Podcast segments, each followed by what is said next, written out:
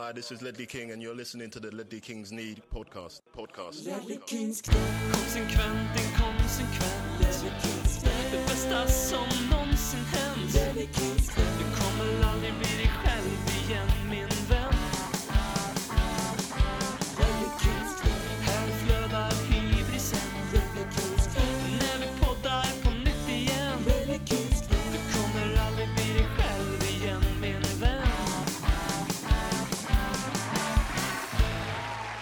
Hej, vad kul att du är där och jag är här. Det här är den alltid lika briljanta, den trångsynta, den fenomenala och ibland deppiga radioteatern om Tottenham Hotspur som susar och brusar i dina öron. Tottenham Hotspur som, eh, precis som Pripps Blå, kämpar för Europaplats. Det är ju faktiskt så Systembolagets försäljningssiffror för 2020 här nyligen offentliggjordes och där kunde man ju läsa att eh, poddfavoriten Pripps Blå är Sveriges sjunde mest sålda öl. Men en ökning på hela 12 procent jämfört med 2019. Så bra jobbat och kraftsamlar vi nu allihopa här eh, 2021 så kanske Prippan, gamla fina Prippan kan nå Champions League-plats när 2021 summeras. Det handlar bara om ungefär 3,5 miljoner enheter öl så att det är ju ingenting eh, med tanke på hur många som lyssnar på den här podcasten. Då. Robin heter jag och jag har eh, finbesök idag. Ehm, och eh, sen har jag min gamla vanliga kompis. Nu lät det negativt nästan att jag skulle på den här från eh, 17 eh, största staden i Sverige. Stora kattälskaren, betygskonsulten som läser mer böcker på ett år än vad Gabriel Jesus gör Premier League-mål. Hej och hur är läget BM? Ja, det var bra. Eh, det var en liten förolämpning där att du jämställer mig med hans målkonto för att jag, jag är snarare på, i paritet med Mo, Mo Salah och Harry Kane när det kommer till böcker per år än Gabriel Jesus. Men eh, vi får, det är deras siffror nu då. Förhoppningsvis gör de inte så många fler den här säsongen så att det, då blir det svårt att hänga med. Jag såg eh, precis eh, för ett tag sedan så jag glömt ta upp det så jag gör det nu i den här appen som heter Goodreads. Du och jag är ju vänner där. Ehm, du är typ min enda vän där också. Men eh, då såg jag att du hade gjort ett mål för 2021 att läsa 20 böcker. Ehm, och då uppade jag mitt... Jag, hade, jag hade tänkt sätta 10 men då satte jag tror jag 12 istället när jag såg det. För jag tänkte jag ska försöka ta rygg. Men um, inser ju här mina chanser är ganska Um, ja, ser väl mörkt ut. Du, du hade en utläggning i förra podden på 6 minuter och 20 sekunder var det en lyssnare som klockade om likgiltighet. Kommer vi få se något liknande idag? Nej, förhoppningsvis inte. Jag har ju som många lyssnare redan har påpekat, jag har ju lämnat Tottenham långt bakom mig nu och sitter mest och deppar över att Pochettino fick dänga av Monaco igår i ligan. Eh, vilket var jobbigt. Eh, det är en tung period för mitt PSG. Eh, de har faktiskt förlorat två matcher sedan Pochettino klev in där och Champions League-kross av Barcelona. det- Det, det värmer inte en parisofil som mig. Men du, du tror inte att det är så att det finns lite misstag i backlinjen att skylla det på? Det kan ju omöjligt vara Pochettinos fel va? Nej, nej, nej. Det var, det var en, ett individuellt misstag som föranledde 2-0 målet och döda matchen. Och det var alltså Erik Dyer hade varit stolt. Förstår. Sen har vi ju finbesök den här veckan. Du är också fin BM, skulle jag säga. Eh, men vi har extra finbesök. Eh, det, här. det är ju Mr Tyskland som är med oss. Mannen som är mer tysk än 10 000 tyska bratwurst doppad i surkål en vecka i oktober. Det är ingen mindre än en numera skäggprydde gentlemannen från bland annat Klacken.nu och Fotbollskanalen Kevin Bader. Hej!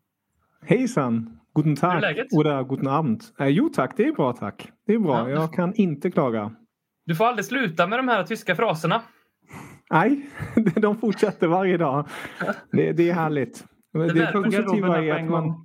det Mm. positiva är att man på något sätt, eh, det sp- spelar ingen roll vilket språk man pratar. Jag behöver bara prata tyska hela tiden. Så, Mm. så funkar, fungerar det på något sätt. Mm. Vilken av de där två betyder god kväll Robin? Herregud, jag läste ju tyska. Eh, Guten Abend såklart. Ja, I hur många år läste du tyska? typ två, tre år eller någonting. Då, då kan du med stolthet säga att du kan fem fraser då, i alla fall. Jag vet att eh, gerade aus betyder rakt fram och Kopfschmerzen betyder ont i huvudet. Sen kan jag väl lite till också tror jag. Men, eh, det är Bra lite kul kombo. att man säger kyss som hejdå. Tycker jag, lite, jag har alltid tyckt det var lite kul.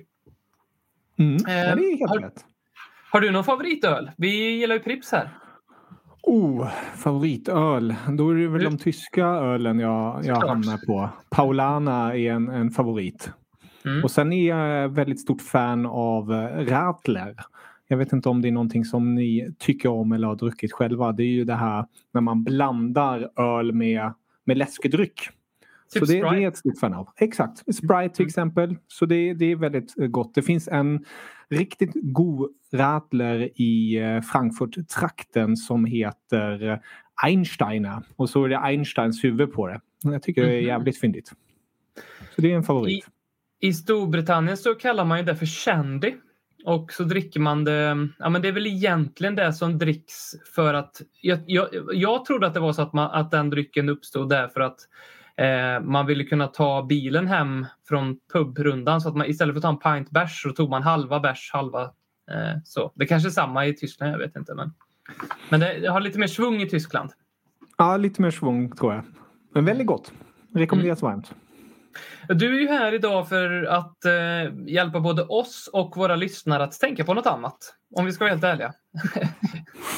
vi, eh, det är ofrånkomligt att vi eh, inte kommer prata lite om eh, den totala bedrövelsen och icke-fotbollen. Men, men vi, innan någon klickar nu så kan vi säga att det, det ska vi såklart avhandla men vi ska göra det kort och koncist och sen ska vi gå in på Ja, men prata lite om um, tyskar egentligen i allmänhet som ryktas eh, Tottenhams väg och vad vi, vad vi vet om dem och om de kommer vad vi kan förvänta oss.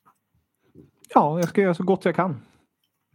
Det tror jag kommer bli eh, mer än väl och så får du såklart vara med på de här andra segmenten och, flika in från kanten här du som inte har det, det liljevita i blodet på det sättet som vi har. Då. Ehm, sen ska vi också köra vårt skratt åt topp 6-segment också. Ehm, där jag är säker på att du har någon fin spaning från veckan som gått. Mm. Eh, men om vi börjar i den änden att vi har spelat två fotbollsmatcher sedan förra avsnittet och det är ju en 4-1 kross mot eh, Wolfsberger i Europa League och sen är det en 1-2 kross eh, fast förlust då eh, mot West Ham i i Premier League. Eh, såg du någon av de här matcherna Kevin? Ja, jag såg faktiskt West Ham och Spurs-matchen.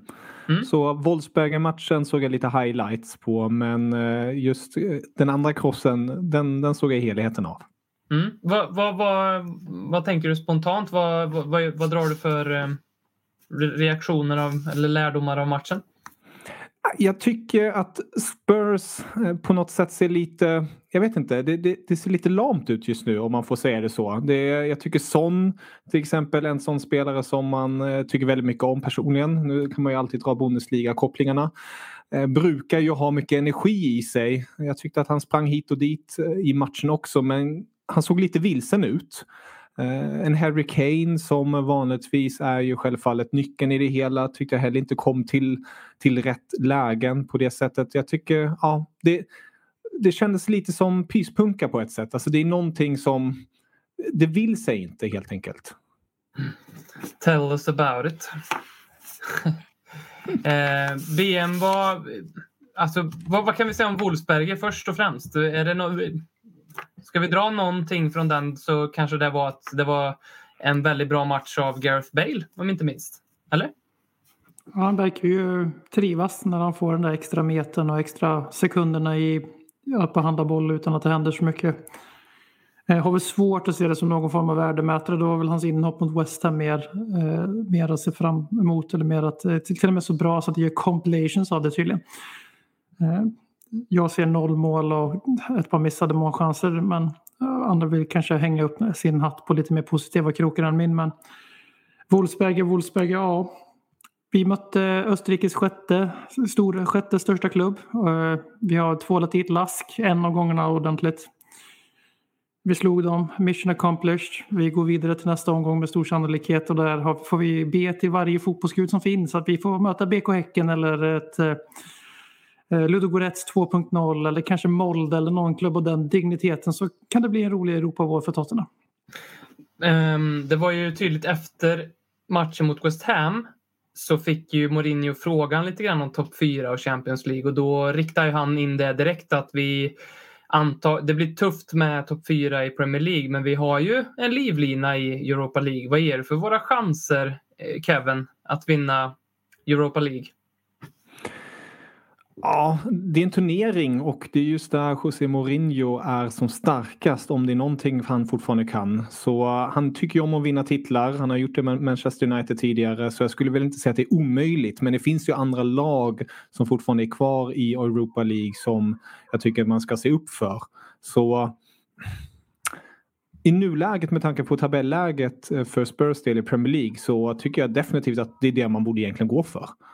Jag vet inte om eh, jag eh, talar för en kör här som bara säger amen till det men det är kanske bara lika gärna ge upp Premier League i detta läge och gå all in Europa League. Även om det är nu lite tråkiga motstånd och inte samma prestige men CL-platsen är ju så extremt viktig, det vet vi ju om. Och speciellt nu i detta läge när corona är och så, så vill man ju få in de där extra cashen och kunna satsa till sommaren också. För att skylta med inget Europaspel eller bara Europa League i sommar, det är inte så starkt precis. Vad säger du om det BM? För jag tror att den där tanken har slagit ganska många Spurs-fans här nu. Eh, de, ja, I alla fall sen West Ham-förlusten. Nu är vi liksom nio poäng bakom West Ham. Det, bara det i sig är ju helt sjukt. Um, och jag tror väl som ganska många andra att José Mourinhos aktier eh, inte stärks av det men det är ju inte så att de pushas till bristningsgränsen att Daniel Levy just nu sitter och funderar på hur han ska eh, göra slut. Eh, utan det kommer nog ske oavsett efter ligacupfinalen. Men det känns ju ändå som att han tar ett par steg till ut på plankan ner mot hajarna efter en West Ham-förlust inte minst. Men är det försvarbart att tänka så som Tottenham-supporter att ah, vi skiter i ligan så går vi all in på Europa League? Är det, ligger det något i det tycker du? Egentligen inte. Alltså, nu ska man ju ha klartext här. Vi har tagit 15 poäng, eller 16 poäng på senaste 15 matcherna. Det är två tredjedelar av säsongen. Det är nedflyttningsform. Eh, det börjar ju snarare bli allt tydligare att de här första tio omgångarna eh, var undantaget. När defensiven var ramstark och så fort han behövde skruva lite på det eller när koncentrationen inte höll i 90 plus stopptid varje vecka eh, eftersom det är flera matcher i veckan också så har vi fallit som ett jävla korthus. Och eh, det här att eh, styra in på att sikta mot Europa League, det är ju nödvändighet nu. Vi har ju ingenting att spela för i Premier League, som, alltså när det gäller fjärdeplatsen. Sen visst, sjätteplatsen vore väldigt bra att landa på. Eh, men där har vi ett ganska stort problem i formen av att just nu är det Liverpool som återfinns på den här sjätteplatsen. Eh, en poäng för oss om vi vinner vår hängmatch, vilket ska mycket, alltså vi ska vinna den matchen först. Eh, så just nu har vi alltså, det är West Ham som är den troliga kandidaten att falla bort. Eh, Leicester har för, har för långt försprång, United City behöver inte ens diskutera. Eh, United har samma poäng som Leicester. Och då är det alltså Chelsea, Liverpool och Everton. Plus då West Ham som är nio poäng för oss. Som ligger på de här fyra, fem och sexa. Så att eh, vi har ju helt enkelt ingenting annat att spela för. Vi måste spela i Europa. Tottenham har varit i Europaspel 15 de senaste 16 säsongerna. Eh, Tottenham historiskt sett är en av Englands största klubbar som, har många, eller som var först att vinna europeisk titel och sådana där grejer. Det finns liksom ingenting annat att hänga sin hatt på. Och José Mourinho är inte dummare än att han inser att om han skulle misslyckas med att vinna Europa League nu så är det ju ingen som skulle säga att han har gjort ett bra eh, karriär i Tottenham även om vi skulle vinna Europa eller förlåt om vi skulle vinna ligacupen och få spela i Europa Conference League nästa säsong. För att eh, Juan de Ramos vann också ligacupen och han är inte direkt eh, omtyckt i Spurs-leden. Och det här är ju hans sista chans, Mourinho, på den här hyllan. Eh, eh hör oförklarliga rykten om att Real Madrid är beredda att ta in honom igen. Eh, varför det kan ju ingen svara på. Han, eh, jag tror det var Kevin till och med som la ut på, på Twitter här med att om man tittar de senaste tre klubbar så har han tagit färre och färre poäng för varje klubb och ännu mindre nu med Spurs. Så att han, det här är ju som vi har sagt sedan han blev anställd en sista dans och eh, den i livet var sisådär 5, 6, 7 år för sent i bröllopet.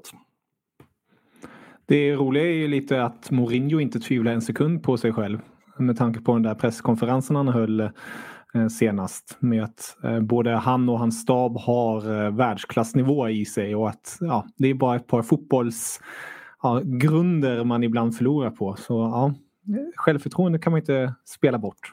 Det fick man lite Tim Sherwood-vibbar i. Från Second det där, ja, precis, klippet. My record speaks. Och han, det är jättekonstigt att han sa det till Sherwood. Han har ju typ, det är ju han som har det näst sämsta. I och för sig då hade han ju typ tre matcher i rad han hade vunnit eller någonting så det var väl lätt för honom att säga det. Um, jag tänkte vi skulle fastna i ett annat citat, eh, BM, som kom från samma presskonferens. Lite grann på samma ämne. Någonting som jag reagerade väldigt starkt på att Mourinho sa. Um, vilket ju kändes lite som nästan ett um, som att han skrev ett avskedsbrev när han sa att ja, det finns vissa grejer i den här truppen som inte ens jag kan coacha. Vad tänker du om det? Ja, alltså igen, vi satt, satt i december, bäst i ligan, släppte in minst mål och Mourinho gick på vatten och vi drömde om ligatitlar mer eller mindre seriöst. Vi samma trupp, samma spelare, samma försvarslinje, samma utvalda av utpekade Mourinho, försvarsgeneral Eric Dyer är de som liksom kuskar runt där på backlinjen, i backlinjen och nu finns det ingen, det, kan, det går inte att coacha. Eh, just West Ham-förlusten lägger jag inte på Mourinhos bord. Det är en av ganska många, om man ska vara ärlig mot honom, där vi, där vi förlorar på att vi gör fler individuella misstag än motståndaren. Det här känner vi igen. Det, det, det, är Tottenham i mångt och mycket. Det är ofta det som har särskilt oss från de andra Big Six-klubbarna. Liksom. De är lite mer vinnarvana. Men alltså, han har spenderat de senaste två månaderna att eh, först vara ganska konfrontativ med både supportrar och spelare. Det är ju hans, liksom, han försöker piska igång någonting i veckan, någonting genom något manligt ego eller något sånt där. Eh, nu så har han gått över till att vara lite så omhuldande och inställningssam de senaste veckorna. Så bara, oh, they try so hard när vi har varit pissdåliga mot Brighton för, som det var. Och nu är nästa led liksom att bara, ah, det finns inget jag kan göra. Jag är second to none, jag är världsklass men det finns inget jag kan göra. Alltså, vad gör det med den här backlinjen? Då vet vi som Jonas eh, Chevelius, vår Twitterföljare där, har ju sammanställt de olika backlinjerna. Och vi har ju i stort sett haft en, olik, en ny backlinje varenda match den här säsongen. Eh, och det gör det ju ingen stabilitet och trygghet, bara den aspekten att det hela tiden roteras i backlinjen. Men sen lägger du till att tränaren säger liksom, ja, det finns ingenting jag kan göra. Liksom. Vad gör det med en spelares självförtroende? Så det finns ingenting, tänk om jag skulle säga så i mitt jobb. Man går in, kliver in till en klass inför nationella proven. Det finns ingenting jag kan göra. Det, det är kört för er. Det låter som min mattelärare när jag gick i skolan. Det, det är kört Kevin, det, det, är bara att lägga ner. Du borde, du borde redan söka, söka något annat. Mina, mina fördomar om tyskar att de borde vara bra på matte, varför vet jag inte. Nej, jag var tyvärr, jag vet inte, jag är väl undantagsregeln där. Jag, jag hade det tufft. Herr Siger hette min mattelärare, han var, han var stenhård. Jag minns att alla failade förutom en och han går bokstavligen in i klassrummet och säger jag förstår inte vad som är felet. Titta här på Simon, han klarade det.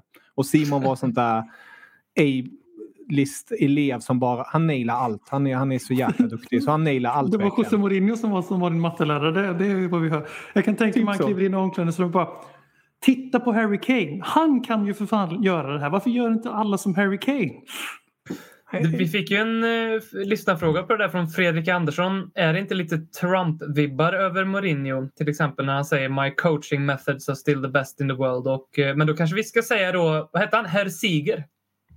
Herr Siger, exakt. Herr Siger-vibbar på, um, på Mourinhos... Uh, jag tycker um, de här misstagen, jag håller med om det här. Jag ser ju det finns inte många Mourinho-kramare kvar nu, men det är ett gäng och deras starkaste argument är ju att jo, jo, men eh, vi förlorar matcher på grund av de här individuella misstagen. Och ja, det stämmer ju. Vi gör ju en hel del individuella misstag och mitt budskap till alla er som, som verkligen tror på det är väl att jag hoppas att ni någonstans i botten av ert hjärta också känner att det var väldigt fel att Juan Ramos, nyss nämnd här, fick gå för alla de misstagen som eh, Aurelio Gomes gjorde då. Eh, det var ju, alltså jag antar att det är samma, med, finns, bor samma logik i, i er och eh, anledningen till att Martin Joll fick gå av alla de misstagen som Anthony Gardner gjorde och eh, Andreas Boas, att han fick kicken var alla de Federico Fazio-blundersarna som fanns och, och sådär. Så, jag, först, jag, jag, förstår att ni, ni, tänker så, men jag kan tyvärr inte när jag ser ett West Ham på Champions League-plats med en backlinje där Craig Dawson är en av mittbackarna eh, så kan jag inte tänka all respekt till Craig Dawson och West Ham och David Moyes som gör ett fantastiskt jobb. Men det Moyes får ut av West Ham med den backlinjen. Alltså det finns inte en spelare i den backlinjen jag skulle välja på pappret. eh, över någon av våra. Och så tittar man vad vi får ut och det är där jag tycker kärnan ligger i, i detta. Eh, sen har vi en tårtbit som vi ska rycka undan här. Kanske den sista tårtbiten. Eh, för det har ju pratats en hel del om att José Mourinho är den stora matchernas man. Men hur är det egentligen med det där BM? Ja, det var ju, du skickade ju lite statistik där som visade att det stämde inte riktigt. Eh, jag hade ju också svalt det där med hulla hår att det kändes som att om det var en sak Pochettino inte riktigt lyckades med så var det i, i toppmötena. Och det var ju också en sanning med modifikation för det var inte direkt som vi var chanslösa någon match. Det man kunde bli frustrerad mot framförallt när Pochettinos lagbygge började gå ner i nivå lite grann. Eh, vilket också används som ett sätt att eh, försvara Mourinho nu. Att Pochettino kunde inte heller få de här gubbarna att prestera. Och så vidare. Men det är ju att vi försökte alltid spela vår fotboll då, oavsett om vi var på Anfield eller inte. I Champions League så gjorde han inte riktigt så. Då kunde bussen halas fram liksom. Mm. Men i ligan då skulle vi spela the Tottenham way och vi skulle vinna the Tottenham way oavsett vilka vi spelade mot. Och det gick sådär, oftast på bortaplan i alla fall. Det är mitt minne av eh, Pochettino. Mm. Men Mourinho har ju fått en annan så här, bara, för vi är ganska bra i de här matcherna men nu verkar det som att man får inse att ja, de är 10 av 12 poängen mot Arsenal, City, Chelsea och United på sex omgångar eller vad det var. Det har ju satt lite så här rosa skimrande dimma framför ens ögon för det stämmer ju inte riktigt över tid. Nej, vi har i eh, de, fyra, sist, de fyra säsongerna, de fyra senaste säsongerna med Pochettino så hade vi ett poängsnitt på 1,25 mot top 6 och vi ligger på 0,88 med Mourinho. Eh, och lägg därtill då att de eh, matcherna vi har vunnit den här säsongen har varit mot lag placerade på 10 plats, 14 plats, 18 plats, 16 plats, 18 plats, 10 plats, 14 plats, 10 plats, 20 plats och 19 plats. Så att den där tårtbiten ryker. Alltså det är så... Ha? Det är så jävla... United och City, det stämmer. Vi slog ju dem när, när de var... Före City blev bra, före United sprattlade igång också. Korrekt. Mm. Och Chelsea hade ju det ända tills Lampard fick sparken. Nu kryssade vi mot dem i och för sig, men Ända tills han fick sparken svarade att de hade bara vunnit en match mot eh, topp 10. Eh, och ja, vad säga, nu blir det så här, nu har det varit 20 minuter eller 15 minuter i alla fall gnäll på Mourinho men jag känner vid det här laget att om man inte följer oss på Twitter, läser vår hemsida eller lyssnar på vår podd har man förstått att skeppet har seglat för Mourinho i vår podd i alla fall. Men vi kan, eh, vi kan stänga diskussionen med, eh, det är många, det florerar ju mycket så här, det här är den värsta perioden i Tottenhams historia. Och eh, jag, jag, alltså, man har ju rätt att känna så som supporter om man, om man känner så givetvis. Och, och särskilt om man, om man har följt Tottenham kanske de senaste åren. Kanske började man följa Tottenham på grund av Gareth Bale, eh, som ju väldigt många gjorde. Ehm, eh, och då, då, är det ju det här definitivt det mörkaste, i alla fall i, i sitt supporterskap jag, jag, jag tänkte jag ska försöka göra en liten följetong av det här. Eh, liksom, när var det värre egentligen? Den här veckan skulle jag bara vilja kort eh, ge en liten återblick till tidigt 90-tal när det verkligen var värre. Det här upplevde inte jag. Eh, jag var två, tre år då och jag, jag, jag kan inte på något sätt försvara eller kalla mig för Tottenham-supporter som två, tre, treåring. Eh, jag var eh, knappt supporter till något annat än mig själv som de flesta två, treåringar. Men början av Alan Sugar-åren. Alan Sugar köpte ju Tottenham från Irving Scholar eh, och upptäckte ju väldigt snabbt att ekonomin var totalt klappkass. Det var utposter som, in, som saknade all form av logik och, och, sammanhang och de fick mer eller mindre bara åka in och säga okej, okay, vilka ska få betalt idag och, hur, och vilka bränder släcker vi om vi ger de här pengarna idag så, så kommer de här borta börja skrika men då ger vi dem pengar nästa gång. Det var totalt, totalt kaos. Och vid den här tiden så hade vi Terry Venables som manager som ju eh, var en före detta Tottenham-spelare, vann ju vann ju lite titlar med oss, vann ju även titlar som manager. Så han var otroligt, otroligt populär och eh, eh, Paul Gascoigne kallade ju bland annat Terry Venables för, eller han kallade Tottenham för Tottenham Venables. Och det är liksom bara ett litet mått på hur populär Terry Venables var. Alan Sugar insåg ju liksom att äh, men jag måste nog göra mig av med Terry Venables därför där fanns det ja, en stor eh, det var egentligen en stor bidragande orsak till att vår ekonomi såg ut som den gjorde. Terry Venables gjorde lite som han kände. Han var kung i klubben, han kunde göra som han vill.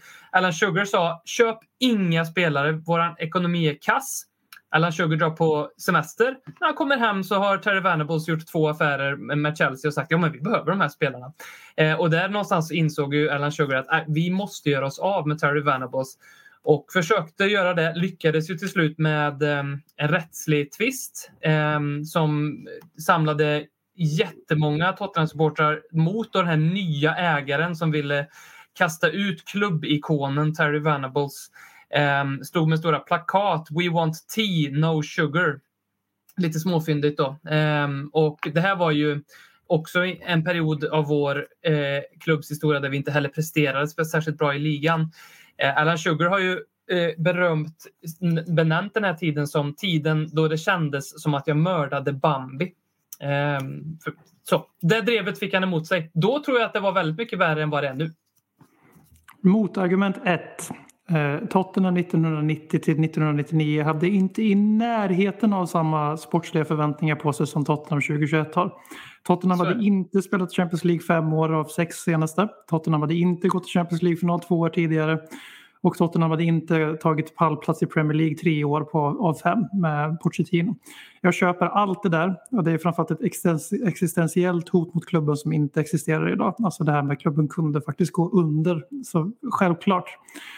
Men eh, det är lite så här, det är som att jag sitter och jämföra med att eh, något allsvenskt lags eh, sportsliga prestation den här säsongen och säga ja fast fan det var fan värre 1997 när vi nästan åkte ner i superettan. Alltså ni, ni, har ingen rätt att gnälla ni som råkar vara födda lite senare för biologiska. Det är ju ert val att födas det året ni föds. Så, Eh, jag kommer inte på något annat ord så jag kan bara säga rakt Jag tycker ni är medgångssupportrar för Tottenham har blivit lite för bra och lite för snygga och lite för inne för min hipsteridentitet som jag har till Tottenham. Eh, vilket är mitt eh, riktade budskap till alla dessa som hävdar att eh, det var så mycket värre förr. Bra, då fick vi lite... Ehm, ja, jag tycker det är bra att du kommer här. Vi kanske kan be våra lyssnare eh, avgöra frågan. Var det värre förr eller är det värre nu? Som sagt, vi, eh, man, man får ju verkligen vara av vilken åsikt man, man vill här. Det viktigaste är att man upplever det man gör. Undrar om det var här Mourinho skrev på. Han bara, hmm, nu ska jag se, jag ska hamna, jag ska hamna i en omröstning med en svensk podcast om det är det värsta Tottenham har varit med om. Fint, ja, fint. Det säger ju en hel del att vi har den här diskussionen.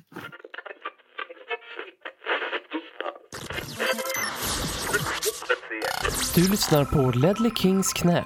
Du kommer aldrig bli dig själv igen. Men nu ska, vi, nu ska vi fokusera på något annat. Nu glömmer vi det här eh, jävla deppen och så ska vi eh, fokusera på lite tyskar. Eh, som eh, ryktas Tottenhams väg. Jag vet inte vilka av dem som är önsketänk från våran sida. Jag vet ju några som definitivt är det, men det verkar som att det kan finnas lite substans i ryktena. I alla fall att de här personerna är, är på väg från där de är nu. Och det är ju vi kan väl börja med eh, Julian Nagelsmann som är någon som det har dykt upp lite rykten om att... Alltså, när det dyker upp rykten om att Tottenham skulle vilja anställa Julian Nagelsmann då är det lätt att man tänker ja, ja, men det vill ju också precis alla andra fotbollsklubbar i eh, hela världen just nu känns det som. Real Madrid har ju till och med redan erbjudit honom jobb en gång i tiden vad jag förstår det som. Eh, men kan vi, kan vi börja med ryktena Kevin? Eh, vad, vad, ger du för dem innan vi går in på liksom vad vi får om vi skulle få Nagelsmann? Okej, okay. Julian Nagelsmann skulle jag vilja säga är, är det tuffaste ryktet. I, det, i den åsikten att eh, kanske inte det mest troliga. Men eh, jag, jag har blivit ombedd att tänka om och försöka se lite Spurs-vinklar i det här och vad man kan se i det hela. Så rent sportsligt ser det ju ut som ett Nagelsmann-move. Han gick ju från Hoffenheim vart man ville få upp unga spelare, vart man eh, testade hans filosofi och vart han hade lite fria tyglar. Och nu har han gått till RB Leipzig där han har fått en större verktygslåda som man kan leka med och utöva sina tankar i det hela. Och Spurs är ju rent eh, sportsligt och ekonomiskt ännu en trappa upp Eh, från Leipzig då. Ändå om eh, RB Leipzig har en viss koncern bakom sig så har ju Spurs en annan sorts möjlighet till ekonomi eh, rent sportsligt och kanske också rent utav på grund av Premier League. Så ur den aspekten tycker jag att det hade varit väldigt intressant att se Nagelsmann där. Men han har ju, precis som du varit inne på, han har ju kopplats ihop med andra toppklubbar som kanske har lite bättre status i, i nuläget om jag ska säga det snällt. Och eh, vart han kanske dras lite mer. Jag vet det var en väldigt lång tid vart eh, det snackades mycket om Manchester United också. I nuläget skulle jag väl säga just som du var inne på att det, det är Real Madrid det snackas mest om med tanke på att man pratar om att Zidane kommer få lämna i sommar och då vill de satsa på ett nytt blad. Och då kanske just Nagelsmann är den rätta tränaren för det hela. För i nuläget ser man ju bland toppklubbarna att man vill ha tyska tränare. Chelsea har plockat in en, eh, Liverpool har eh, njutit en längre tid av en. Så ja, vi får, vi får se. Men mm, jag är ledsen att skjuta ner den, den ballongen. Men eh, ur ett rent sportsligt perspektiv tror jag ändå att Nagelsmann känner ett visst så här, mm, det hade varit intressant. Plus Varför tackade han nej sist till Real Madrid då?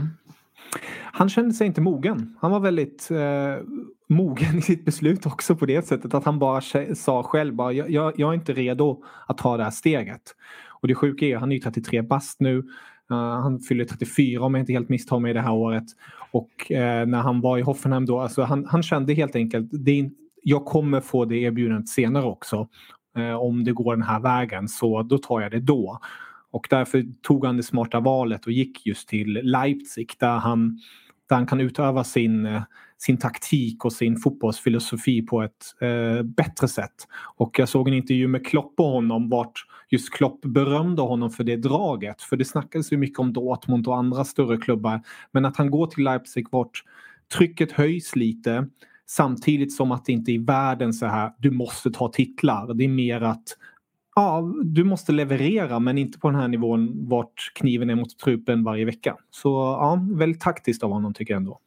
Vi som känner vårat Real Madrid med Lex, eh, Gareth Bale och Luka Modric övergångar. Vi vet ju att liksom när en, då i Tottenhams fall säger nej men det, det, blir ingen övergång, vi ska stå emot den här affären, då vet man att Real Madrid bara ja.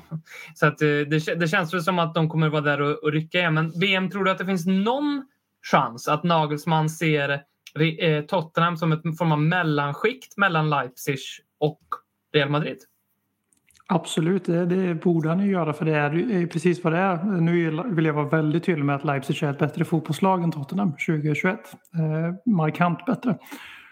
Eh, men tyvärr för eh, den neutrala fotbollsåskådaren så är det ju så att Premier League, du kan ju vara nio i Premier League som vi är och ändå ha större muskler än i stort sett alla förutom Bayern München och förmodligen Dortmund beror lite på hur de slutar de missar de Champions League så tror jag inte de ligger ovanför just den här sommaren men annars så tror jag det eh, kan vara de också.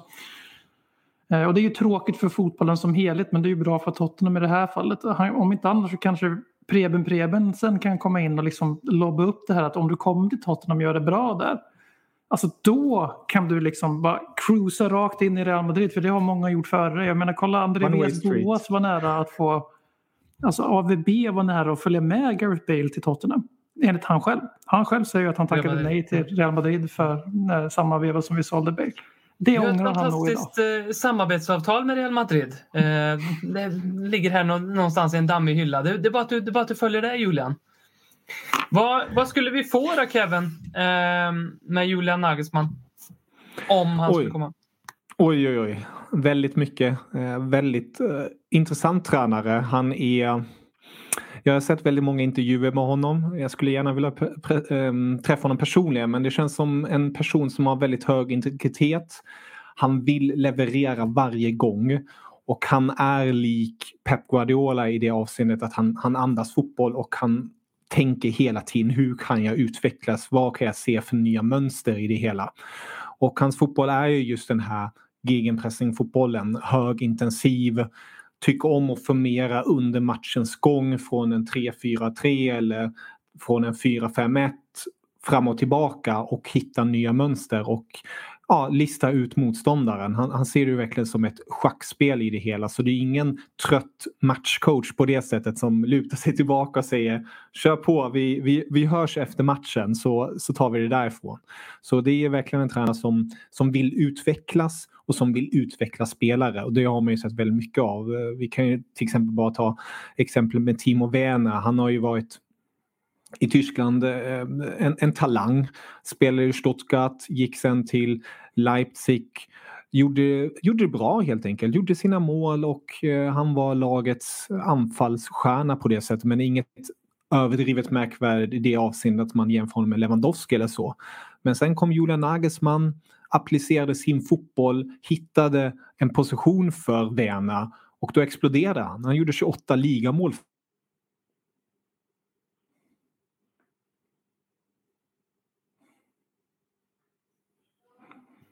Tror vi tappade Kevin.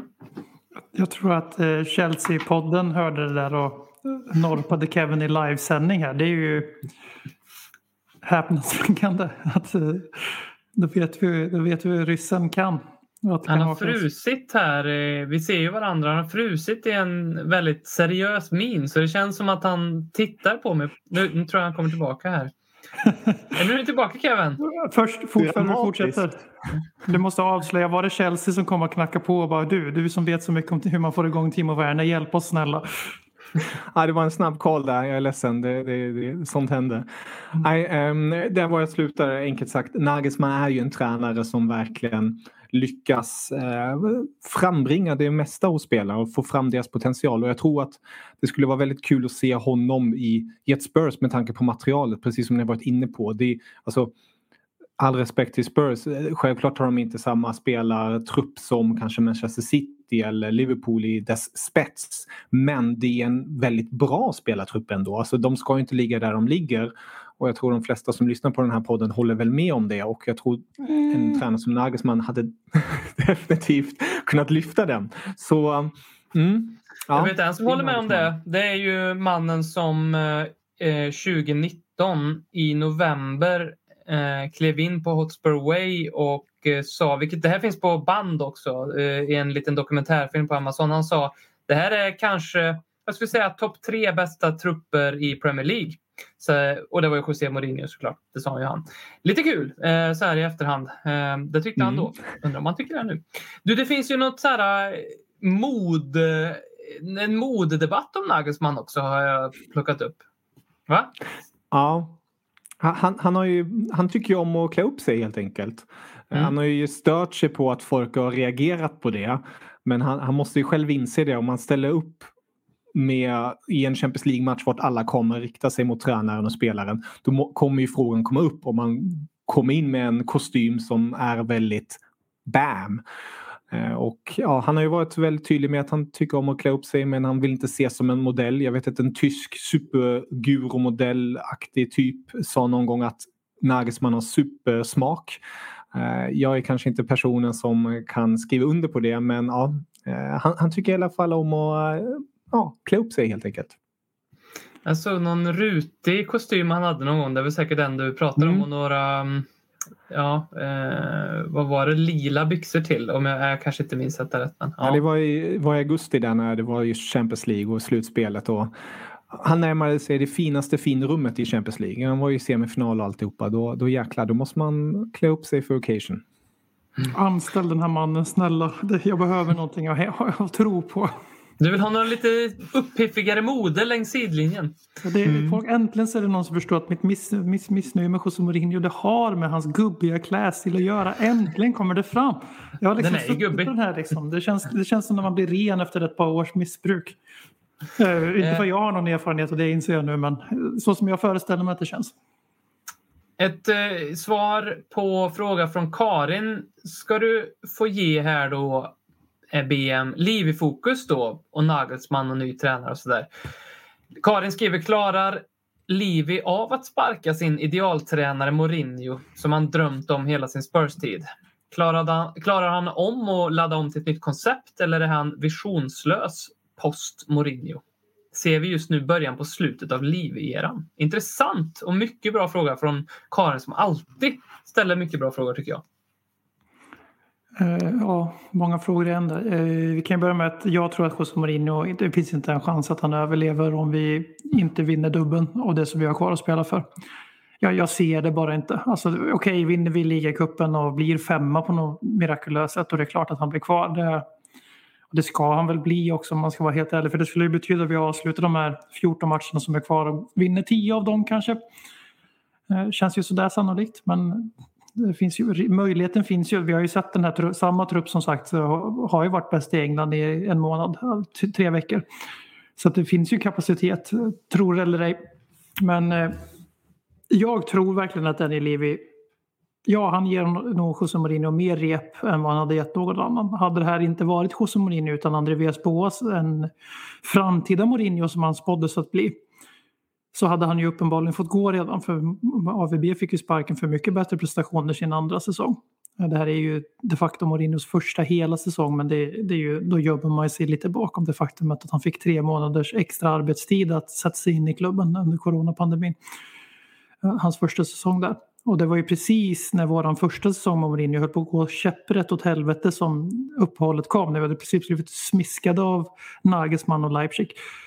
Eh, så att för mig är det här liksom hans andra säsong.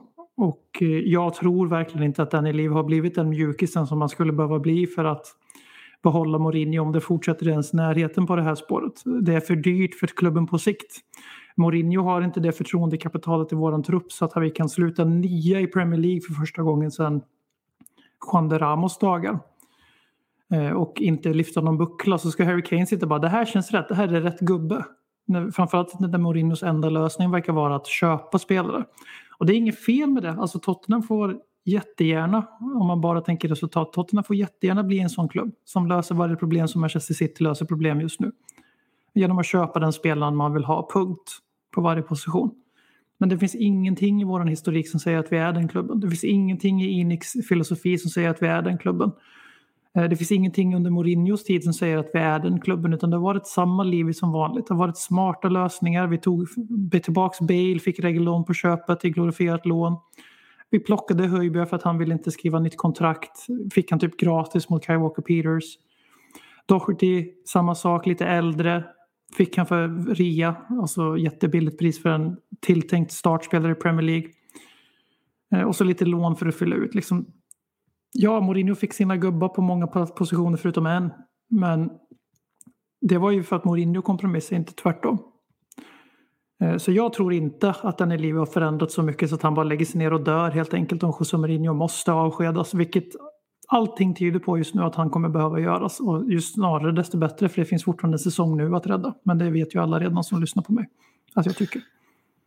Jag eh, satt och funderade på om eh, just det här med ser vi början på slutet av liv-eran. Och jag vet att det finns många som lyssnar på den här podcasten som är väldigt anti Livio och som helst hade sett att han lämnade och att Inix sålde för länge sedan. Eh, jag har inte riktigt av den orsaken. Jag har alltid försvarat det med det som argument som den skaran också tycker är det mest tröttsamma argumentet, nämligen det att ja, men titta på vad Livio faktiskt har gjort med Tottenham.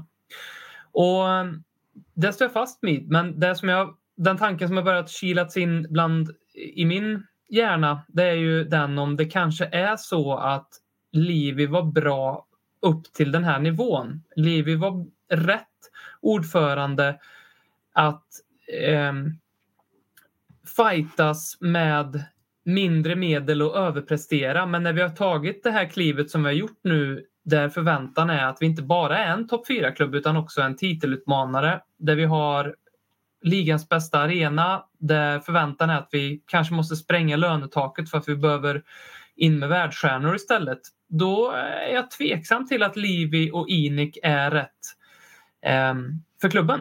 Och det är det som är med José Mourinho lite märkligt då att Livi väljer att gå på Mourinho. För det kan vara ren okunskap och dåliga beslut som har gjort att Livi har eh, att han inte insåg vad som händer om han tillsätter José. Att han tänkte att ja, men här är en som jag kommer lira bra med. Och det blir intressant att se Livis självinsikt going forward här. Om han har lärt sig, om han kanske istället går på en Eddie Howe-typ. Någon som kan överprestera med mindre medel. Eller en um, Julian Nagelsmann, ett, ett, ett, stort namn igen. Han kanske inte riktigt är det där, men han skulle inte gå, skulle han gå på Ancelotti till exempel. Då skulle det vara tydlig inriktning att liksom okej, okay, um, han har inte lärt sig så mycket av vad det är för typ av manager som hans ledarskap så går ut på.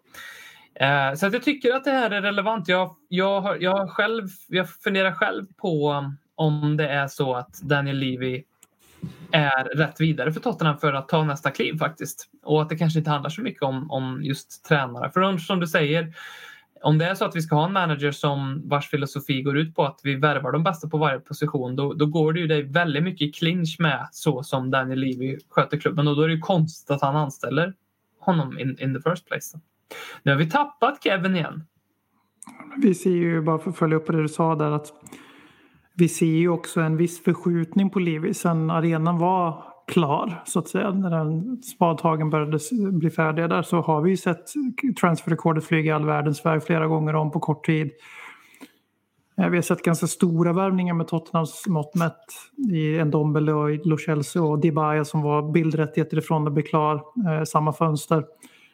Vi har sett José Mourinho komma in för att vara den här på papper. Alltså på papper, jag står bakom det till den här dagen. Alltså på papper såg det ut som, jag förstår varför man trodde att det skulle kunna vara det som krävdes för att kräma ur det vi hade ur en redan dyr och bra trupp. Eh, sen är ju det som gör mig riktigt rädd med livet, jag tror inte det är så mycket att han inte kan ta sig nästa steg utan det handlar ju om att han måste anställa någon som får faktiskt ansvar över det fotboll, fotbollsaktiga och Live håller sig till bokföringen och marknadsbyggande och varumärkebyggande. Vilket vi, han har försökt några gånger men det slutar alltid ganska dåligt och det, då är det svårt att tolka på något annat sätt än att det är Livi som är problemet tyvärr. Eh, så det är ju en dröm uppenbarligen, det kommer inte bli så. Han vill vara, han vill vara den som är tillsammans med managern och bestämmer allting uppenbarligen. Och där tror jag att du har rätt, att han inte riktigt räcker till. För då hade vi redan tagit, eller redan tagit, vi har tagit ganska många steg på en relativt kort tid i fotbollshistorien här. Men Eh, så absolut, men just det här att han skulle behöva ersättas av någon bankomat som jag tycker många ropar efter. Det är vad man vill ha. Man, man vill ha den där ägaren som kommer in och kastar sedelbuntar överallt så man inte behöver oroa sig för någonting. Men eh, de flesta ägare som kommer in med den inställningen eh, börjar med att rädda en klubb, till exempel LM Hall. De är nog inte så glada nu 2021 när de har bytt namn, försökt i alla fall, bytt klubbmärke, ligger i League One. Han har vägrat att försökt sälja klubben i år. Alltså, be careful what you wish for. Allt jag avslutar med att säga när det kommer till vem som ska äga din fotbollsklubb. Mm. Och det kan vi väl eh, svara på Pep in the Steps fråga. Om ni fick göra en förändring i Tottenham oavsett stor eller liten, vad skulle det vara? Ja, men kanske att hitta en setup där Livi sköter ekonomin, marknadsföringen och en sportchef som sköter tillsättning av manager och eh, talangutvecklingen. Ja, precis. Eh, Kevin, Jaha, du har hoppat in och ut här. Eh, men du har, du har inte missat så mycket. Det var det vanliga Mourinho-gnället eh, som vi fastnade i lite här bara. Och lite Livi-gnäll också. Ja. ja. Jag tänkte bara slänga in det. Jag tycker det, det är häftigt med just det där steget som du nämnde där Robin med att det är ju olika skiften tränare och ägare går igenom. Alltså alla kan inte göra allt. Bara för att en tränare lyckas lyfta ett lag till en viss nivå betyder inte att just den tränaren kommer kunna lyfta den truppen till nästa nivå. Alltså det, det, är alltid stegvis. Jag tycker att jag har gnällt på det väldigt länge och fick slutligen eh, rätt, eller rätt och rätt, men jag fick slutligen som jag ville, nämligen att Favre fick sparken från Dortmund. En väldigt duktig tränare som gör väldigt mycket rätt, eh, ger unga chansen och lyckas lyfta dem till en nivå men att slåss med de allra största då, må, då måste man ha det där lilla extra, det låter väldigt klyschigt men det hade inte Favre och det är därför han är borta från Dortmund. Och det är därför de tar in en ny tränare nu som de tror mera på. Så en ägare som vågar säga okej, okay, jag har gjort så här mycket, nu, nu kanske jag behöver ta in expertis som verkligen kan leda mig vidare. Det, det, är respekt när man lyckas eh, ta det steget också. Någonting mm. Eh, tyvärr många ägare inte vågar göra. Och sen ibland blir det bara den där lyckoträffen som man bara undrar. För jag menar, ta, ta exemplet nu med West Hams ägare. Jag, jag, tror inte det är väldigt många West Ham-fans som är särskilt nöjda över deras ägare. Men de har liksom gjort sig av med de största talangerna. De har flyttat klubben till den där vidriga, vidriga arenan. Eh, de har gjort eh, de, ekonomiska åtstramningar och sen så anställer de David Moyes och West Ham-fansen tänker så här. Vad är det här som händer liksom? Och så nu är de fyra. Så ibland så blir det någon sån freak, alltså det går liksom inte för sig. Marco Rose är det ju du syftar på där som tar över Dortmund. Mm. Eh, och, så han, han, han stryker vi då ett streck här över, eh, för han var ju en annan eh, som vi hade på vår önskelista. Men vi kan väl ta nästa tysk och det är ju um, Sabitzer från just Leipzig. Som? som eh, Inte tysk. Boom! inte är tysk utan kommer från Österrike som vi alla vet. Exakt. Det, det, igen sitter du här och tycker att Österrike är samma som Tyskland. Alltså jag får otäcka vibbar men jag vet inte hur långt jag vågar gå här. I... Vi kanske ska bara stryka streck över det och säga att Sabitzer, titta på hans senaste mål mot Hertha Berlin i helgen. Centraleuropén Marcel Sabitzer. Mm. Exakt. Fin hästsvans. Eh, lite lik Nej. om man vill. Lite lik så här, Höjberg i sättet att han, han, är, han är tuff, han är stark i mittfältet men han har möjlighet att göra mål också och är jävligt vass på det. En otrolig bössa. Gillar honom skarpt och eh, jämför man honom då med Nagelsmann med trovärdighet om han kommer till Spurs så, så pikar han här ju rejält. För att han har ju ryktats väldigt mycket till Spurs.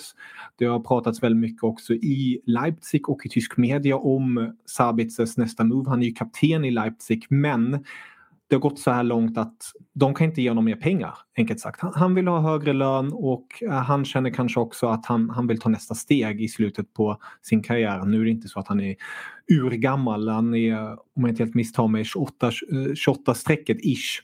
Um, ehm, så det är en spelare som spelar på sin topp och eh, vill eh, något nytt och eh, då tror jag verkligen att Spurs och Sabitzer, det, det känns lite som handen i handsken. Jag ser det redan framför mig hur han kliver fram i det där mittfältet med en kompis vid namn Höjberg bredvid sig. Så där har ni en riktigt fin spelare. En, en hårt jobbande också. Alltså inte den här divan som tycker om att vara i centrum och skjuta lite bollar hit och dit. Det, det är en gubbe som gör jobbet. Och ja, det, det är en bra värvning. En offensiv. Inte kanske exakt samma fysik men de är, det, är, det jag kan tänka mig det är den rollen de ska fylla. Det här är ju inte en Dombeles ersättare även om jag tror att just en Dombele är en av de spelarna som är först att säljas om det behövs finansieras. Mm. Lite köp i sommar och så därför jag tror att vi kommer visa, försöka liksom, vi är Tottenham, vi är en toppklubb, vi säljer inte Kane, vi säljer inte som, vi skiter i att vi blir nia i ligan. Men man smyger ut en Dombele som inte är lika befäst i, i, i klubben så att säga. Eh, och sen är det Lo Celso då som, och Delali som skulle hamna lite på, på utkanten här tror jag för att ett ordinarie mittfält skulle ju vara Höjbjerg, Sabitzer och en av dem absolut högst och det skulle vara ett väldigt offensivt mittfält. Eh, Mm. så, men jag tror, tror och hoppas också en del på Sabitzer. Eh, målet mot Hertha Berlin var Alltså ni som inte har sett det, se det. Gå in på Kevins eh, Twitter och se det. För det, alltså, det, det är sjukt. Det är inte så här liksom som varje överglorifierat distansskott i fotboll som går i relativt högt i mål från 20 meter. Liksom, utan det är, alltså, det, det är som, som taget från tidningen Buster, ni som kommer ihåg den. Verkligen, Nej, det, det håller jag med om. Och den som sagt, den är också trolig. Så där, där är jag glad att meddela att där, där kommer det bli mycket på grund av att Leipzig har värvat in redan sina ersättare. De har ju haft Dani Olmo sedan tidigare. Eh, De har tagit in den ungerska mittfältaren som jag inte vill uttala för att jag alltid uttalar hans namn fel. Som har kommit in. Ja, exakt. Eh, och ja, de, de har en alla pusselbitar och de har planerat i princip av att han kommer lämna för att hans kontrakt också kommer snart gå ut. Så mm, det är en trolig värvning. Det känns som en precis- Mourinho-värvning. Ja, vad skulle jag säga? Alltså, jag, jag drar ju normalt öronen åt mig när jag hör att en fotbollsspelare är 28 år gammal. Då tycker jag... Det beror ju såklart vilka siffror det pratas om. Eh, alltså vad vi skulle få punga upp för honom. Vad, vad, vad skulle han kosta? Jag har inte sett några exakta siffror. Jag vet bara i en annat fall har det snackats om Weghorst, anfallaren i Wolfsburg. Där har man ju snackat om 30 plus. Um, jag tror att man kanske landar runt 20 skulle jag vilja säga, mellan 20 och 30. Någonstans där. Um, så det, det är ju ändå... Ja, man kan ju alltid jämföra det med andra spelare men jag tycker ju för det man får Ingenting och den rutinen. Nej, det, det, Förlåt, det, det, Det är ingenting. Det är väldigt mycket för pengarna så. Precis, jag tycker det är ett rimligt pris ändå när man ser vad, vad Premier League-klubbar annars köper för eh, filurer. Han fyller Mm. 27 också Robin i mars. Jag googlade Okej, lite så, så. att du, du kan lugna dig. Han är då 94. kör vi. Vet du vem som också är 94 i Tottenham? Harry Kane, är äldre. Han är 94. Hängmin Son kanske är 94? Mm. Ja, jag tror att jag, jag kan ha trott att uh, Kane var 94 men det, det Han är 93. 93. Du ser mm. ännu bättre. Mm. Della är 96 an. Mm. Men han är slut. Nej. Nej, men det där är ju en, den där positionen måste vi verkligen förstärka på tycker jag. Och eh, jag, varje gång jag leker eh, med tanken om vad Tottenhams bästa elva skulle vara. Eh, då tänk, kom, återkommer jag alltid till en 4-3-3 där någon annan än Musa Sissoko eller Harry Winks tar den tredje in i mitt eh, oh, ja. platsen bredvid Höjbjer och Ndombele och då tänker jag Sabitzer låter ju perfekt där. Och så då Chelsea på bänken och Delali också. Då behöver vi fort... Och så Skip kanske. Uff. Ja men jävlar vad vi kan rotera då. Och sen vi hittade ett Mourinho-argument. Ta in Wikos. Ja, jag, jag, jag, jag, har en, jag har två frågor. En, en om min älskade Wout, eller Wout. Så det kommer alldeles strax. Men eh, jag bara tänker att, bara för att vara tydlig här. Vi har hittat en anledning till att José Mourinho ska vara kvar i Tottenham. Och det är att om vi på riktigt får in en spelare som Sabitzer och en likvärdig mittback eller kanske två. Till, ja, kanske till och med två eller vi kanske kan få nöja oss med en mittback, en Sabitzer och så kanske en ytterback. Eller vi får tre gubbar och den pariteten på grund av att det är José Mourinho som sätter lite press på den i livet. Då är jag fan beredd att låta han vara kvar för att det är ingen annan tränare som får de verktygen. Eh, så att det, det, ska man ha med sig. Att då, är det den nivån av ambition vi kommer att visa på transfermarknaden så länge José Mourinho är här då kan man få en hel säsong med en ny trupp för, så länge det faktiskt blir så också. Så det inte blir det som Pochettino utsattes för i två år där det inte värvades någon och nu är narrativet i efterhand att det var hans fel. Men det absolut värsta som hände 2018-2020 i Tottenham det var att vi inte sålde vårt dödkött. Så de är ju fortfarande kvar allihopa. Men eh, Kevin ska få vara expert på två spelare till och en av dem spoilar han ju lite här nu för jag tänkte så här, best kept secret och det är ju Wolfsburgs målmaskin, Vote Weghorst, som vi verkar ha varit och lurat lite på i somras för vi nöjde oss med Vinicius Junior. Vem är den här mannen och han kommer att flytta på sig till Premier League, det kan vi väl nästan säga. Att det ser mycket, ser mycket ut så. Men är det i Spurs han kommer landa i sådana fall? Det mesta talar ju Spurs. Han har även uttalat sig om just eh, Spurs-intresset och att han tycker det är väldigt smickrande och att det är någonstans han vill gå, nämligen Premier League just. Det är en 1,97 meter lång anfallare. En, en riktigt ståtlig klassisk targetanfallare som det inte finns så många av längre i den moderna fotbollen. Han har gjort 14 ligamål den här säsongen och han är en sån där anfallare som det behöver inte vara snyggt. Han brunkar in dem helt enkelt. Och han gör det på sånt jäkla snyggt sätt på det gamla sättet. Nu blev det lite äh, dubbeltydligt här men ni förstår vad jag menar. Det är verkligen en sån anfallare. Sätt honom i boxen, sätt fina bollar på honom, då kommer målen trilla in. Och jag tänker ju mig Självfallet är det kanske eh, Dumle och Dumle att ha både Kane och, och VK samtidigt uppe. Eh, men det, det, är ju väldigt trevligt om man bara vill bomba in bollarna. Men som bra backup jag kan definitivt tänka mig att Wikost förstår om han inte alltid är en startspelare i en klubb som slåss om en ligatitel. Nu, nu försöker jag höja Spurs-lyssnarna eh, här. Ligatitel, vad är det Men han, han är också, han, han är 28 år, det vet jag. Eh, så han, han har sina bästa år framför sig. Titta bara på Zlatan, han, han klarar det än. Och Wigåstan är ju typ detsamma. Men eh, ja, det, det, är en skön spelare. Jag gillar honom skarpt. Eh, skämt åt sida, han är självklart ingen Lewandowski, men han är en sån där rollanfallare som alla fotbollmanager-spelare känner till. Man sätter honom som nia. Antingen eh, fallande eller lite mer offensiv beroende på hur man vill spela. Så kommer han vara perfekt där. Och han funkar också i den här, alltså kan han, för det är ju ganska, just det här med bollmottagar-nian.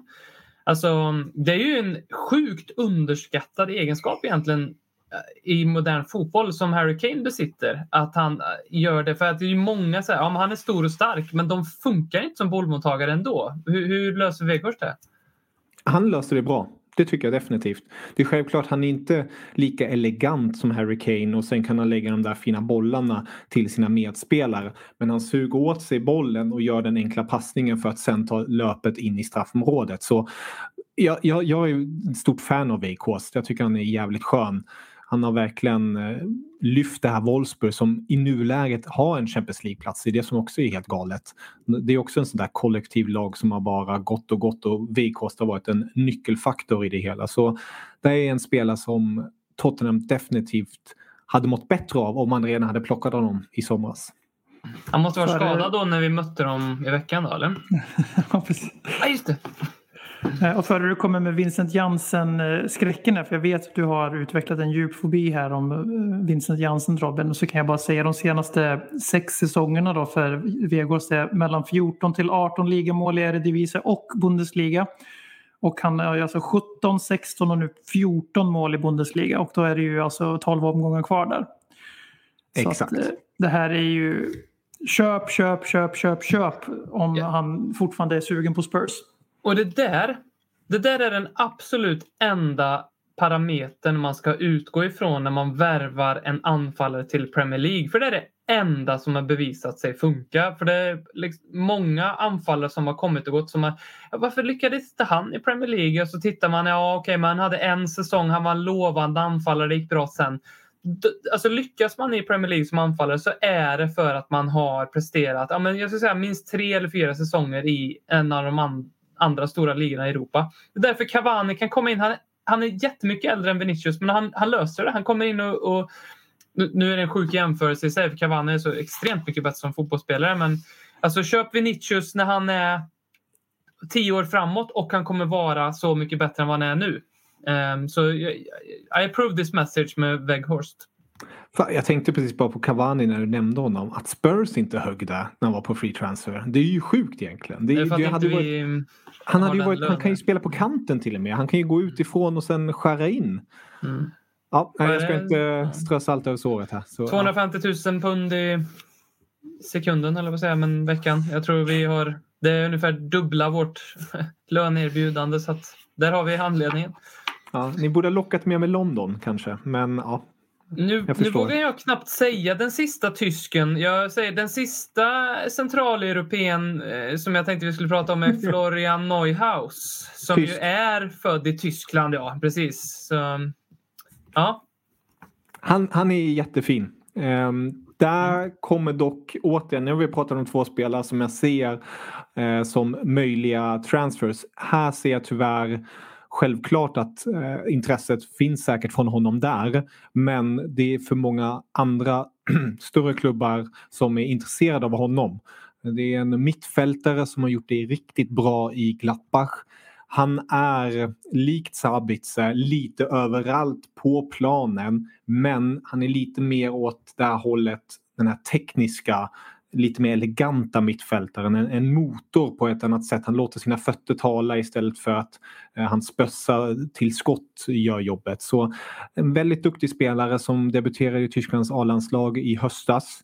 Gjorde det ja, han var typ ensam och gör det bra för resten av laget var uselt. Så det är verkligen en spelare som jag kommer verkligen se fram emot eh, nu i framtiden. Och det är ju just Dortmund som det ryktas mycket om. Vart just hans nuvarande tränare Marco Rose kommer gå till. Marco Rose har dock sagt, han själv, jag kommer inte ta med mig någon spelare från Gladbach till Dortmund. Frågan är bara vad Dortmund säger. Jag, vet, jag tror inte de skriver under på det precis. Samtidigt ryktas det ju också om att Bayern München är intresserade av Florian Neuhaus. Det är ingen större nyhet att eh, Bayern München tycker om tyska lovande spelare. Så det kommer nog bli en dragkamp där. Eh, jag har svårt att se att han kommer stanna kvar på grund av just att Rose går och flera andra spelares kontrakt kommer gå bort. Jag kommer nämna några spelare till som jag ändå tycker att Spurs supportrar ska hålla ett utkik på. Så Florian hos grym spelare, men jag tror tyvärr att han inte kommer gå till Spurs. vilka är de andra tyska centraleuropeerna? Som du... Ja, det är centrala européerna. Zakaria är en annan eh, rackare som är duktig i centrala linjen. Hans kontrakt går ut 2022.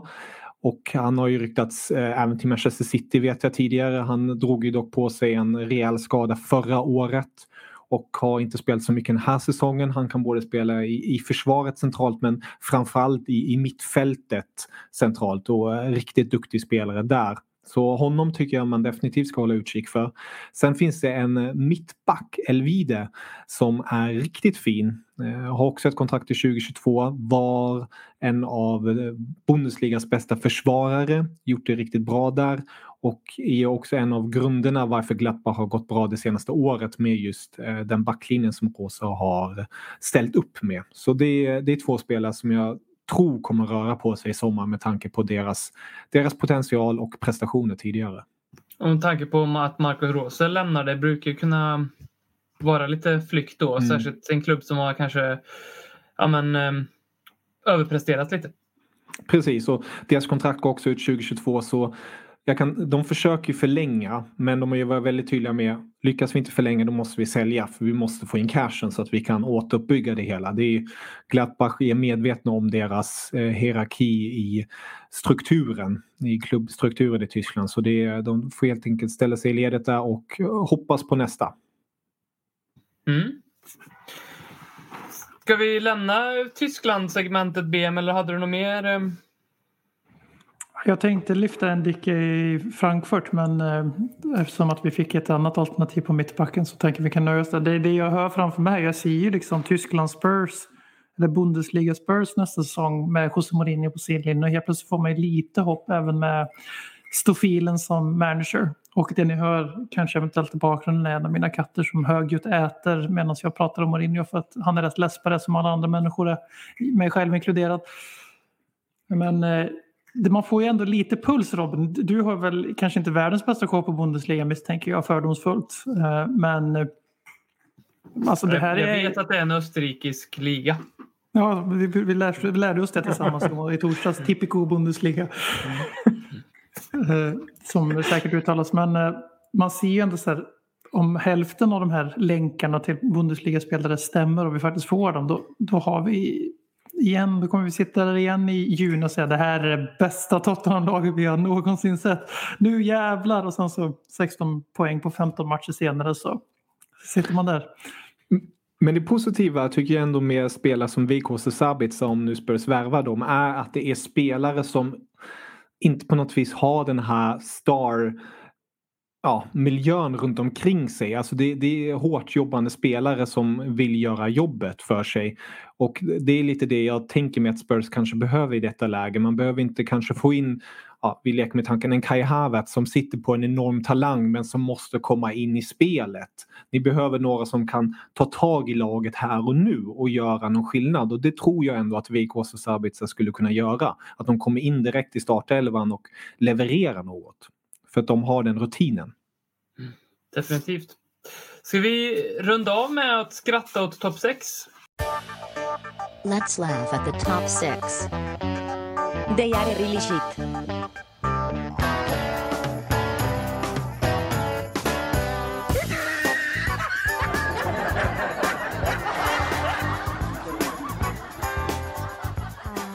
Är du bekant med det här segmentet vi har Kevin där vi då varje vecka eh, plockar upp en nyhet från den gångna veckan.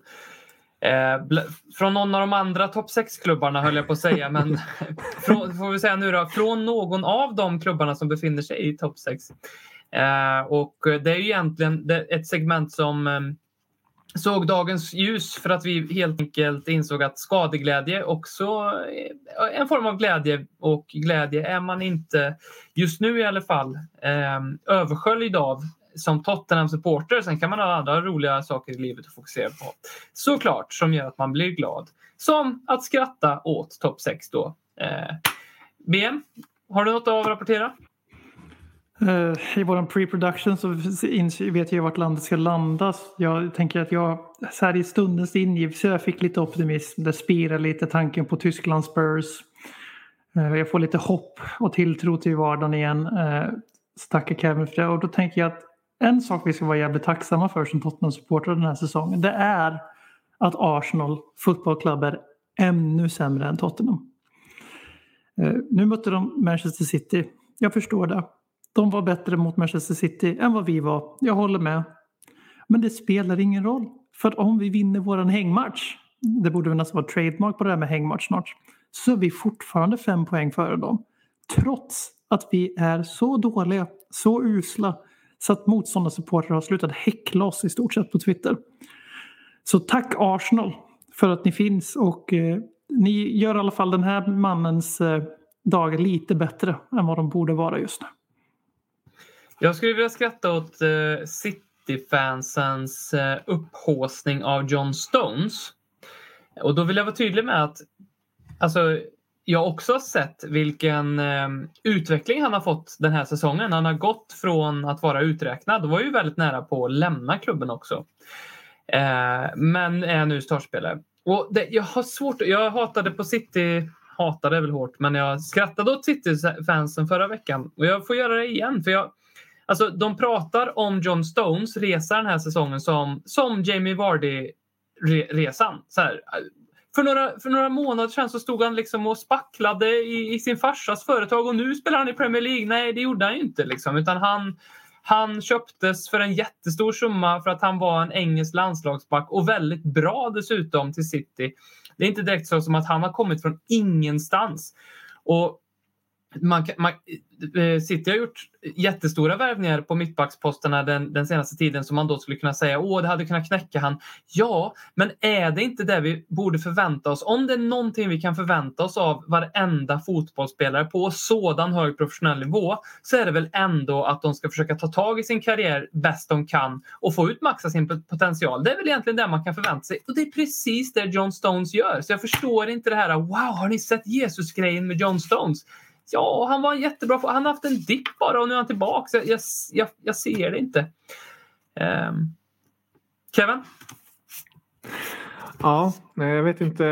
Jag kanske är fel person som kommer in här som inte är Spurs-supporter. Men jag, jag, jag gjorde i alla fall bevakningen här, eh, spaningen och tittade på toppligorna och ser på deras ligaplacering då Eh, under 2021, alltså kalenderåret 2021. Och Eh, tittade runt lite. I Tyskland ser man till exempel Eintracht Frankfurt längst upp på 25 pinnar med 9 poäng och Schalke längst ner. Så det är inget, inget märkvärdigt så att Schalke är längst ner. Kanske lite mer märkvärdigt att Eintracht är längst upp. Men de har gjort det jäkligt bra.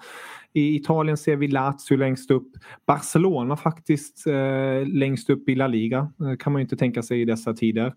Men eh, med tanke på relevansen till den här podden då kanske det finns någon, någon glädje i er Spurs-supportrar att man tittar på Premier League-tabellen och sen ser man Spurs på plats 12 med 10 poäng på 9 spelade matcher i detta läge ser jag precis att det inte hänger ihop med Arsenal som ligger på sjätte plats. Men det, vi glömmer det och stryker det. Men det, vi det var väl, ner. Ehm, ja, du tänker så ja. Det, ja. Vi, vi, blickar ner istället. Mm. Och där ser vi då eh, för er skull Liverpool.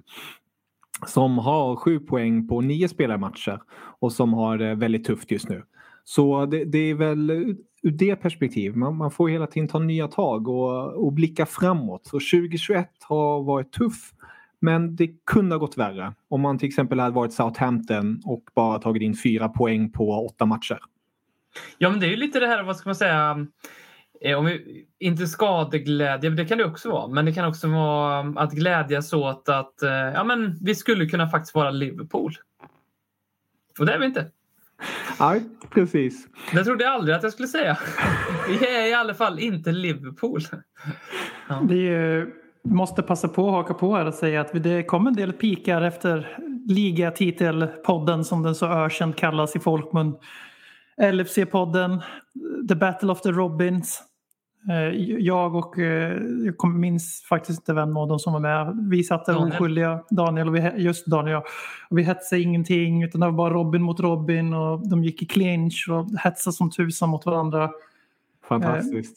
Och sen när vi torskade och eh, säsongen var slut för våran del. Eh, för man spelar bara för att vinna ligan. Så var det en del så här fake ödmjuka pajer som kom våran väg. Och sen, nej men titta där, Liverpool har gått ännu sämre än vad vi har gjort efter den här matchen. Och det är ju fantastiskt på alla sätt. Jag måste säga den här kärleken man ser er emellan allihopa med, med just LFC-podden och Ledley Kings knä och så. Det är, ja, som neutral åskådare och blickar mot Premier League-scenen är det ju ren underbar underhållning. Ja, men det är skönt att vi kan eh, glädja andra. I våra... en, en centraleuropé person som mig. Centraleuropén Kevin Bader. Exakt. Var herr Siger centraleuropé? Det måste han ha varit när han hette herr Siger. Han var, han var österrikare. Ja, såklart. såklart. Hade det på känn. Och när vi ändå pratar om österrikare måste jag, jag tänkte på det tidigare men jag måste bara pitcha upp det. Ni, ni kanske har pratat det om andra sammanhang också. Men Ralf Hasenhüttel hade ju varit jävligt intressant tycker jag ändå som tränare i Spurs. Eh, vi, jag, vi behöver inte gå längre in på det men jag, jag tänker mig bara eh, hade varit kul att se honom i ett Spurs och ta den manteln. Jag vet att han gjorde jäkligt bra i Leipzig i sina dagar och han har gjort det bra i Southampton också eh, om man bortser från de två 9-0 förlusterna då. Eh, det kanske man kan köpa om man, om man får bra ligaplaceringar. Ja, vi skulle behöva någon som bryter ihop när de vinner mot Liverpool. Eh, jag säger så här att eh, om ni tycker om att betta på sådana saker så lägg era pengar på Ralf eller på Graham för det är någon av dem som det kommer att bli. Kanske en viss Brendan men det har jag svårt att se. Eh, och jag skulle jättegärna se Hasselnyttel i Spurs. Ja, det är den typen av tränare jag vill se i Tottenham. Sen om det avslöjar någon form av förlorarmentalitet så får det väl göra det.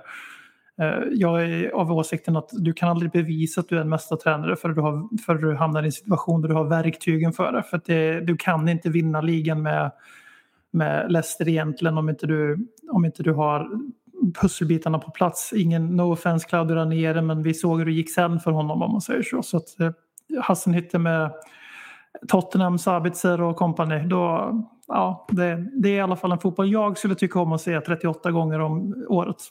Och sen in med Ralf Rangnick som sportchef. Då, då, då har ni en, ett paketerbjudande som är svårt att motstå. Det är ju nästan så att man får lite, ja men eh, Chris and Glenn. Chris Waddle och Glenn Hoddle. Eller Hoddle och Waddle för den skull. Väldigt liksom härlig, härlig namnkombo vi hade. Eh, Teddy och Les. Ted Sheringham och Les Ferdinand hade vi. Det finns ju många sådana här bra duos vi har haft under åren. Ledley King och Michael Dawson. Inte så namn, flyter inte så gött i munnen. Men Ralf och Ralf är ju inte... Det, är inte, det låter ju trevligt tycker jag. Det låter väldigt trevligt. Mm. har vi en tysk och en österrikare. Oh, bara en sån Fan vad rörigt. Jag kommer, jag kommer blanda ihop dem, vem som är. Ralf. Nej, Ralf. Nej, Ralf. Ja, Ralf. Är, det bo, är det båda Ralf med PH eller? Uh, nu måste jag tänka efter. Nej, Nej de Ragnhild är väl olika. En... Ja. Jag tror, om jag inte är helt ute och cyklar nu. Det är som när vi hade Jermaine Genus och Jermaine Defoe i truppen. Och Jermaine Genus stavas med Jermaine med E på slutet och Jermaine stavas utan E på slutet. Fy fan vilken rörig period av, av klubbens historia. Precis, Ralf eh, Hassnyttel är med PH och Ralf Rangnick är med F. Så det är, där har vi skillnaden.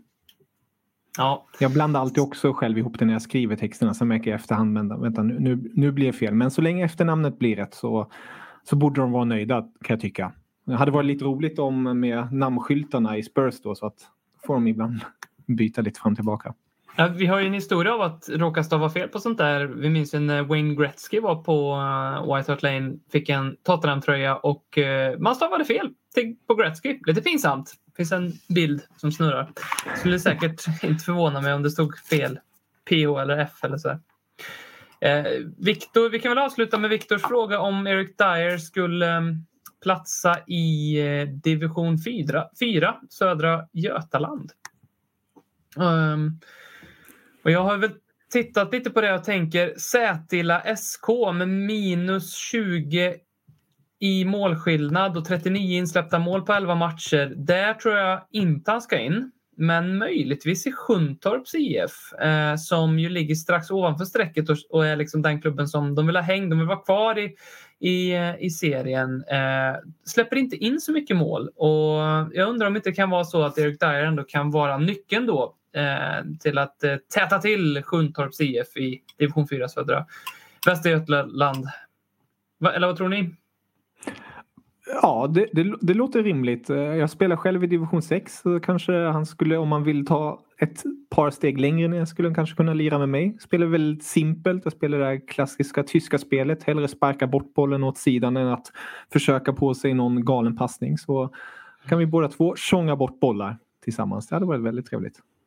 Jag älskar backar som eh, när man är i en duell och har bollen fe felvänd med forwarden i ryggen, bara passar ut den iskallt över sidlinjen. Älskar det. Det är så fint när det händer. Jag skjuter allt jag har istället så att man måste springa efter den där bollen. Ja, det är också väldigt är smart. Så kan alla liksom formera sig ordentligt inför inkastet. Exakt.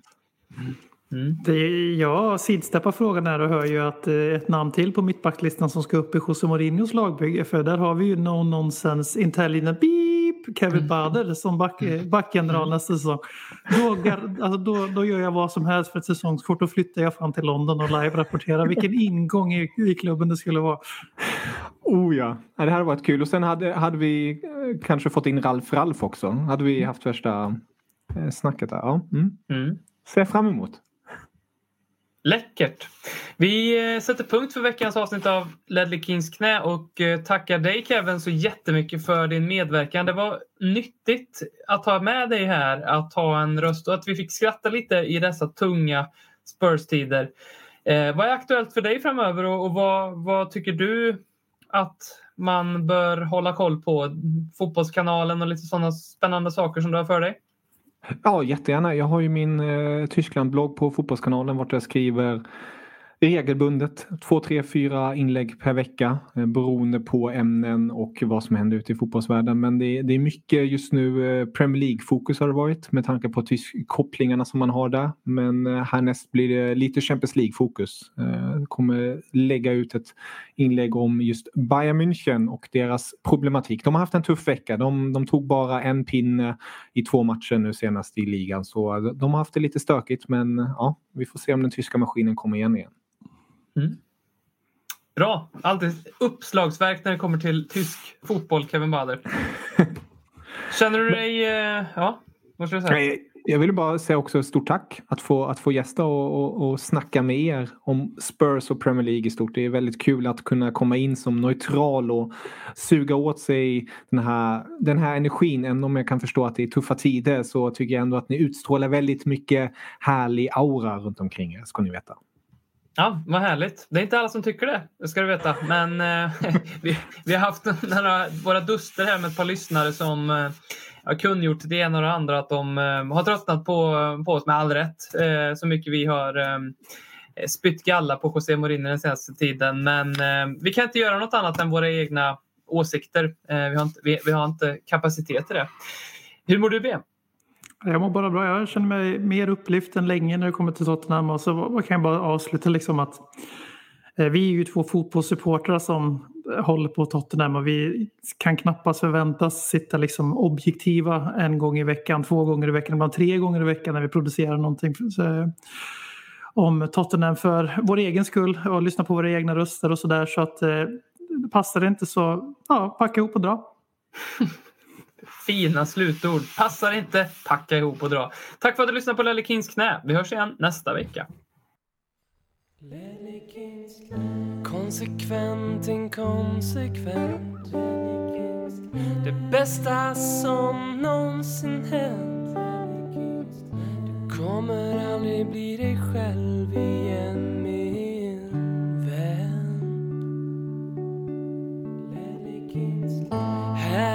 Här hybrisen När vi poddar på nytt igen. Du kommer aldrig bli dig själv igen.